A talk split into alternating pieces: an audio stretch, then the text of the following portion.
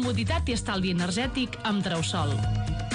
Hi ha moltes coses que ens interessen, i tots els dimecres el que fem és dedicar un poc del de, nostre temps a la salut i a l'esport.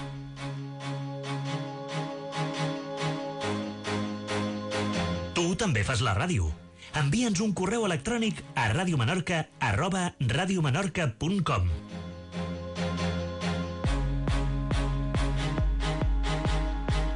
A partir d'aquests instants torna a la nostra programació l'espai Salut i Esport, un espai que fem amb Elite Chip i que ens permet sempre aprendre coses bones i noves. Els corredors i les corredores populars eh, diu a un rumor que en algunes pàgines web sembla que eh, de vegades és cert, de vegades no tant, que la cervesa de després d'entrenar pot ser bona, però és bona, és dolenta, sempre és important que allò que trobem, i particularment a internet, ho contrastem, i que millor que fer-ho amb aquelles persones que són professionals i que ens hi poden ajudar a saber la veritat.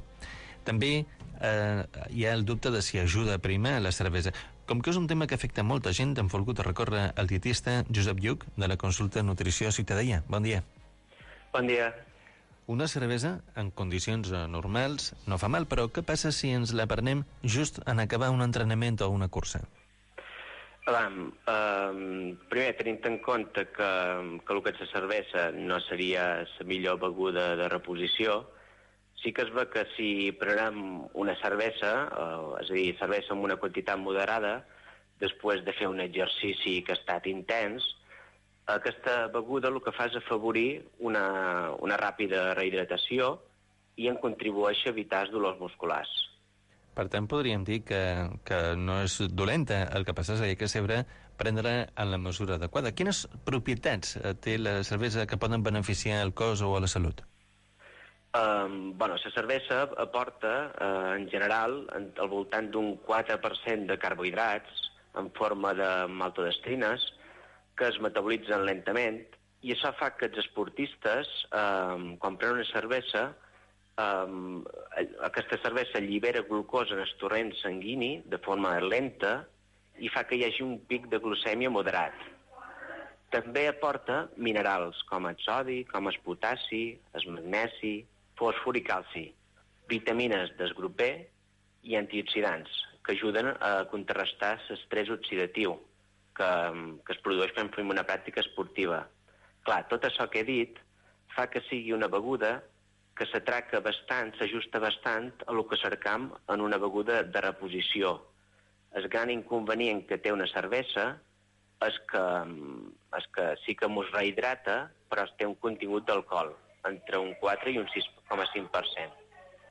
Eh, quines són eh, particularment eh, les propietats en aquest sentit que té el vi? Perquè una altra beguda que eh, ens hem sentit dir que, que pot ser saludable és el vi, no sé si és cert. Bueno, això de la relació entre el vi i la salut també sempre ha creat un, un debat eh, científic en els darrers anys, perquè d'una banda tenim els qui defensen eh, el seu consum i es basen de forma correcta en estudis que ho demostren, que quan es veu eh, quantitats moderades de vi, alrededor d'una copa um, en dones en el dia i dues copes de vi en homes en el dia, um, produeix una menor incidència de malalties cardiovasculars. Val? Això són els que ho defensen. Però, d'altra banda, també és cert que, eh, segons l'Organització Mundial de la Salut, no es vol recomanar cap beguda alcohòlica, encara que sigui vi, per aconseguir que es potenciar els beneficis cardiovasculars, ja que aquest efecte protector és petit si es compara amb l'efecte que té, per exemple, fer exercici físic o una alimentació sana. Em sembla, sens dubte, molt interessant tot el que estem aprenent de la cervesa, del vi, en relació particularment a, a l'esport. Eh, com ens hem d'hidratar abans i després d'una activitat física, per tant? Bueno, estar ben hidratats eh, és clau per tenir un bon rendiment esportiu, això és de sentit comú. El que és antes de l'exercici, que això moltes vegades s'oblida la gent, es recomana beure alrededor de 400 a 600 mil·litres, el que seria mig litre d'aigua o beguda esportiva entre una hora i dues hores antes de l'exercici. I millor repartida, no de cop. Durant l'exercici també és molt important i eh, sobretot si té una durada superior a 60 minuts, que s'ha de beure més o manco l'equivalent a un got d'aigua cada 20 minuts. Però si les condicions de calor o humitat són, són altes, o és una prova de molta durada, aquestes necessitats poden canviar i poden augmentar fins uns 400 mil·litres, més o manco. Val? Es fa per compensar aquestes pèrdues eh, ocasionades en la suor i eh, per intentar acabar l'exercici amb una menor pèrdua de líquid corporal.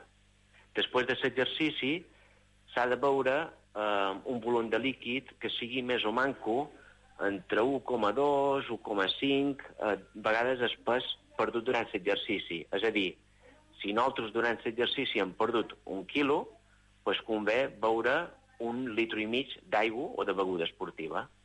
Precisament, en torno en aquest sentit, eh, li demanaria quina és la millor beguda per després d'un esforç físic, perquè és cert, hi ha qui pren un refresc, hi ha qui beu aigua, eh, tal vegada la considera més adequada, més natural, i aquí beu begudes isotòniques que tal vegada estan també pensades per precisament a recuperar també ràpidament tot el que s'ha perdut. Què és el més adequat? Val. La tria de, de la beguda depèn de la duració i la intensitat. Um, quan la duració és menor a una hora, l'aigua hauria de ser suficient com a beguda per hidratar-nos.